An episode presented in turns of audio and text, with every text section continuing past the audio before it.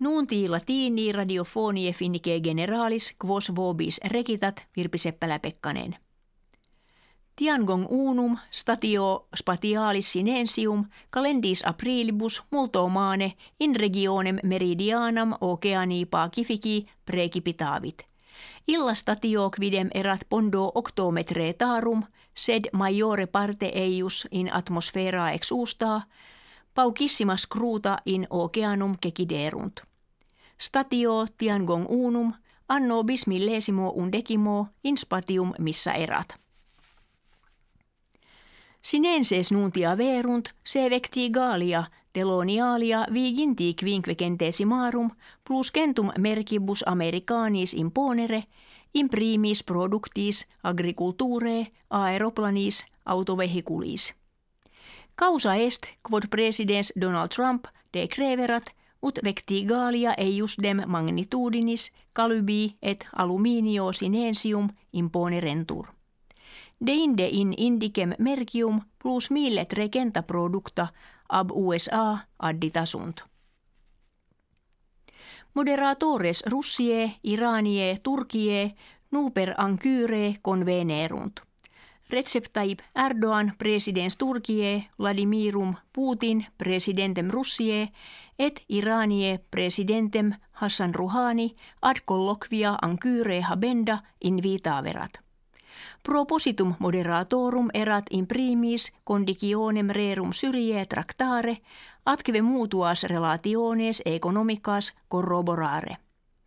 Russia et Turkia, quecum terris occidentalibus dissensiones habent, discordis inter se pretermissis fortes relationes economicas volunt conjungere.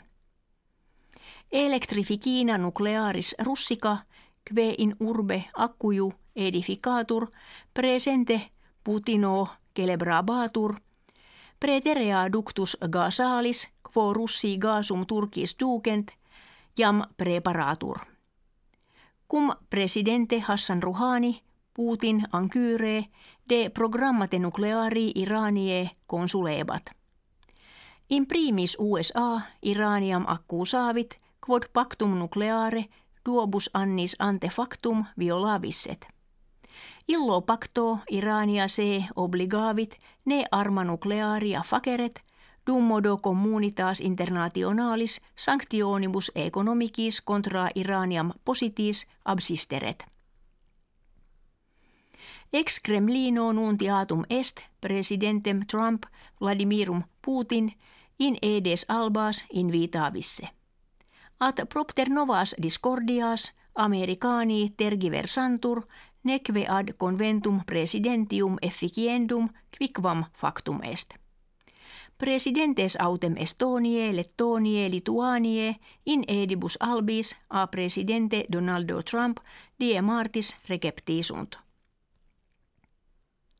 Plus quindecim milia hominum vespere sabbati viam crucis ambulationem ecumenicam in media urbe Helsinki participaverunt.